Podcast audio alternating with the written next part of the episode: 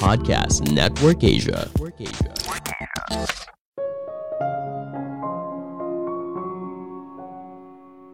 Menjadi produktif itu merupakan jebakan. Kenyataannya, kita jadi semakin terburu-buru dan kehilangan apa yang sebenarnya kita inginkan dalam hidup. Halo semuanya, nama saya Michael. Selamat datang di podcast saya, Sikutu Buku. Kali ini saya akan bahas buku 4000 Weeks karya Oliver Burkeman. Sebelum kita mulai, buat kalian yang mau support podcast ini agar terus berkarya, caranya gampang banget. Kalian cukup klik follow Dukungan kalian membantu banget supaya kita bisa rutin posting dan bersama-sama belajar di podcast ini. Buku ini membahas bagaimana cara mengatur waktu dengan baik sehingga kita bisa punya hidup yang bermakna. Rata-rata rentang hidup manusia boleh dibilang relatif pendek. Bayangkan apabila kamu akan hidup selama 80 tahun. Artinya, kamu hanya punya waktu sekitar 4000 minggu. Kita terbiasa merasa tidak punya waktu, kita terobsesi dengan daftar tugas yang panjang, email yang selalu penuh, dan selalu mengalami gangguan untuk fokus sepanjang hari. Dari situ, kita lalu mencari cara dan belajar bagaimana cara mengatur waktu dengan baik. Namun yang terjadi justru sebaliknya. Tips dan trik malah membuat hidup kita semakin buruk. Hidup kita menjadi semakin terburu-buru dan mencapai hidup yang bermakna itu terasa semakin jauh kita masih belum bisa menjawab pertanyaan terbesar dalam hidup. Bagaimana cara terbaik untuk menggunakan 4000 jam yang bermakna? Saya merangkumnya menjadi tiga hal penting dari buku ini. Pertama, perspektif soal waktu. Masalah utama kita bukanlah waktu yang terbatas, tapi masalah sebenarnya adalah pola pikir kita soal bagaimana menggunakan waktu yang terbatas. Sejak penemuan jam, kita mulai berpikir waktu sebagai sesuatu yang bekerja dari luar diri. Kita merasa bersalah ketika waktu berjalan begitu saja dan kita tidak mengisinya dengan aktivitas yang kita pikir berharga. Hubungan kita dengan waktu tidak selamanya begitu. Sebelum penemuan jam, para pekerja bangun di pagi hari saat matahari terbit dan tidur saat senja hari ketika matahari terbenam. Kamu memerah sapi hanya ketika kamu membutuhkannya dan memanen tanaman hanya ketika waktunya panen.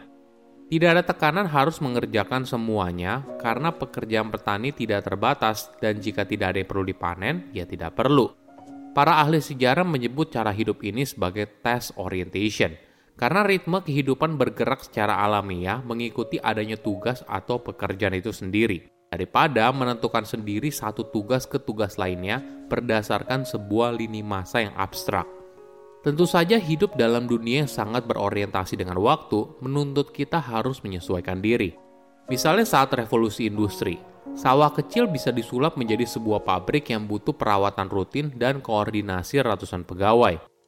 Ada kebenaran soal waktu. Semakin kamu berjuang untuk mengontrolnya, membuatnya mengikuti semua agenda yang kamu buat, maka waktu akan semakin berada di luar kendali. Coba bayangkan semua teknologi yang sebenarnya kita pikir bisa membantu kita untuk menghemat waktu, misalnya microwave, mesin cuci, dan sebagainya.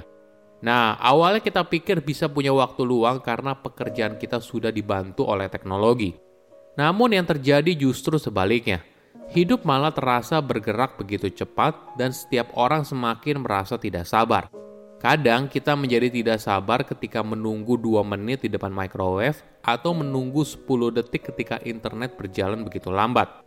Kondisi ini diperparah ketika kita didorong untuk menjadi lebih produktif.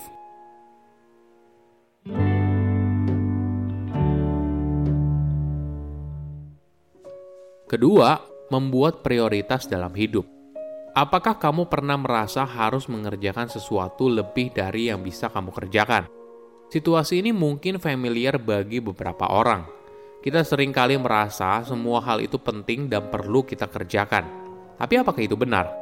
Apakah itu hidup yang kita inginkan? Bagaimana cara untuk membuat prioritas? Penulis menjelaskan tiga prinsip utama. Pertama, utamakan dirimu dulu. Mungkin kamu pernah dengar istilah keuangan pay yourself first. Artinya ketika kamu mendapatkan gaji atau penghasilan, yang pertama kamu sisihkan adalah untuk tabungan dan investasi, baru kebutuhan yang lain. Konsep ini juga relevan dalam hal manajemen waktu. Jika kamu punya proyek yang sangat penting, namun kamu merasa kesulitan karena masih ada banyak proyek yang lain, mungkin kamu bisa mempraktekkan mindset pay yourself first. Dedikasikan waktu selama satu hari atau satu minggu untuk menyelesaikan tugas tersebut terlebih dahulu. Kedua, batasi pekerjaan yang sedang kamu lakukan. Kadang kita ingin mengerjakan semua hal sebanyak-banyaknya di periode yang sama.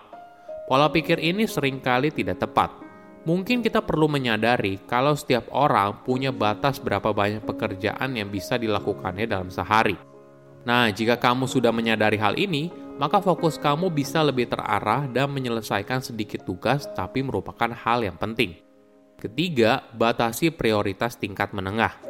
Penulis bercerita soal kisah investor legendaris Warren Buffett yang memberikan beberapa nasihat kepada pilot pribadinya. Warren meminta pria itu untuk membuat daftar 25 hal apa saja yang dia inginkan dalam hidup, lalu mengurutkannya dari yang paling penting hingga yang tidak penting. 5 poin teratas merupakan prioritas yang perlu diluangkan waktu untuk mencapainya, sedangkan 20 sisanya, Warren meminta pilot itu untuk menghindari semua hal itu dengan cara apa pun. Kenapa? Karena 20 poin itu akan mengalihkan perhatian kamu dari sesuatu yang sebenarnya kamu inginkan.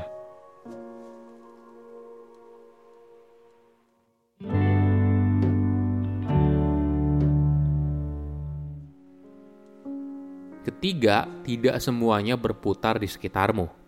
Apakah kamu pernah merasa burnout atau capek saja? Gak masalah kok apabila kamu mengajukan cuti beberapa hari atau bekerja dalam waktu yang lebih pendek. Faktanya, karyawan yang punya waktu istirahat yang cukup justru lebih produktif. Ada yang aneh dengan bersantai. Di zaman sekarang, kita punya waktu bersantai yang jauh lebih banyak daripada generasi lainnya tapi alasan utama kenapa kita tidak terlalu menikmatinya karena waktu bersantai tidak lagi terasa seperti bersantai. Seringkali kita menganggap waktu bersantai itu seperti to-do list, sehingga kita tidak bisa menikmatinya secara maksimal. Saat ini ada 8 miliar manusia di dunia. Jika kita menggunakan hal ini sebagai perbandingan, maka hidup satu orang itu terasa kecil sekali dan terlihat tidak signifikan. Perspektif ini bisa kita gunakan saat kita bimbang dalam menentukan sebuah pilihan. Kadang kita merasa sebuah pilihan itu punya taruhan yang sangat tinggi. Misalnya saat kita ingin meluncurkan proyek kreatif terbaru atau berusaha menjangkau seseorang. Namun jika kita lihat dalam perspektif yang lebih luas, walaupun proyeknya gagal atau inisiatif kamu untuk kenalan ditolak, hal ini tidak punya dampak yang signifikan Poin lain yang penting adalah ketika kita menganggap kalau diri kita merupakan pribadi yang penting bagi dunia. Maka hal ini bisa menciptakan standar yang tidak masuk akal. Seolah-olah hidup kamu baru bermakna ketika kamu melakukan sesuatu yang besar bagi dunia atau menjadi seseorang yang terkenal. Namun jika kita lihat ke realita yang kita jalani sehari-hari, hal biasa saja justru bermakna. Misalnya ketika kamu memasak untuk anggota keluarga, meluangkan waktu untuk menghabiskan waktu dengan orang yang kamu cintai, dan sebagainya. Hal kecil ini merupakan hal yang bermakna tanpa perlu melakukan hal yang besar dan bermanfaat bagi dunia. Oke, apa kesimpulannya? Pertama, selalu merasa tidak punya waktu. Masalah utama kita bukanlah waktu yang terbatas, tapi masalah sebenarnya adalah pola pikir kita soal bagaimana menggunakan waktu yang terbatas. Sejak penemuan jam, kita mulai berpikir waktu sebagai sesuatu yang bekerja di luar diri. Kita merasa bersalah ketika waktu berjalan begitu saja dan kita tidak bisa mengisinya dengan aktivitas yang kita pikir berharga. Kedua, batasi prioritasmu. Kadang kita ingin mengerjakan semua hal sebanyak-banyaknya di periode yang sama. Pola pikir ini sering kali tidak tepat Mungkin kita perlu menyadari kalau setiap orang punya batas berapa banyak pekerjaan yang bisa dilakukannya dalam sehari. Nah, jika kamu sudah menyadari hal ini, maka fokus kamu bisa lebih terarah dan menyelesaikan sedikit tugas, tapi merupakan hal yang paling penting. Ketiga, kita sulit menerima waktu bersantai. Ada yang aneh dengan bersantai. Di zaman sekarang, kita punya waktu bersantai yang jauh lebih banyak daripada generasi lainnya. Tapi alasan utama ketika kita tidak terlalu menikmatinya karena waktu bersantai tidak lagi terasa seperti bersantai. Seringkali kita menganggap waktu bersantai itu seperti to-do list, sehingga kita tidak bisa menikmatinya secara maksimal. Saya undur diri, jangan lupa follow podcast Sikutu Buku. Bye-bye.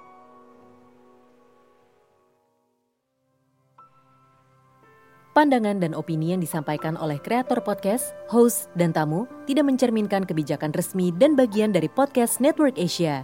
Setiap konten yang disampaikan mereka di dalam podcast adalah opini mereka sendiri dan tidak bermaksud untuk merugikan agama, grup etnik, perkumpulan, organisasi, perusahaan, perorangan, atau siapa pun dan apa pun.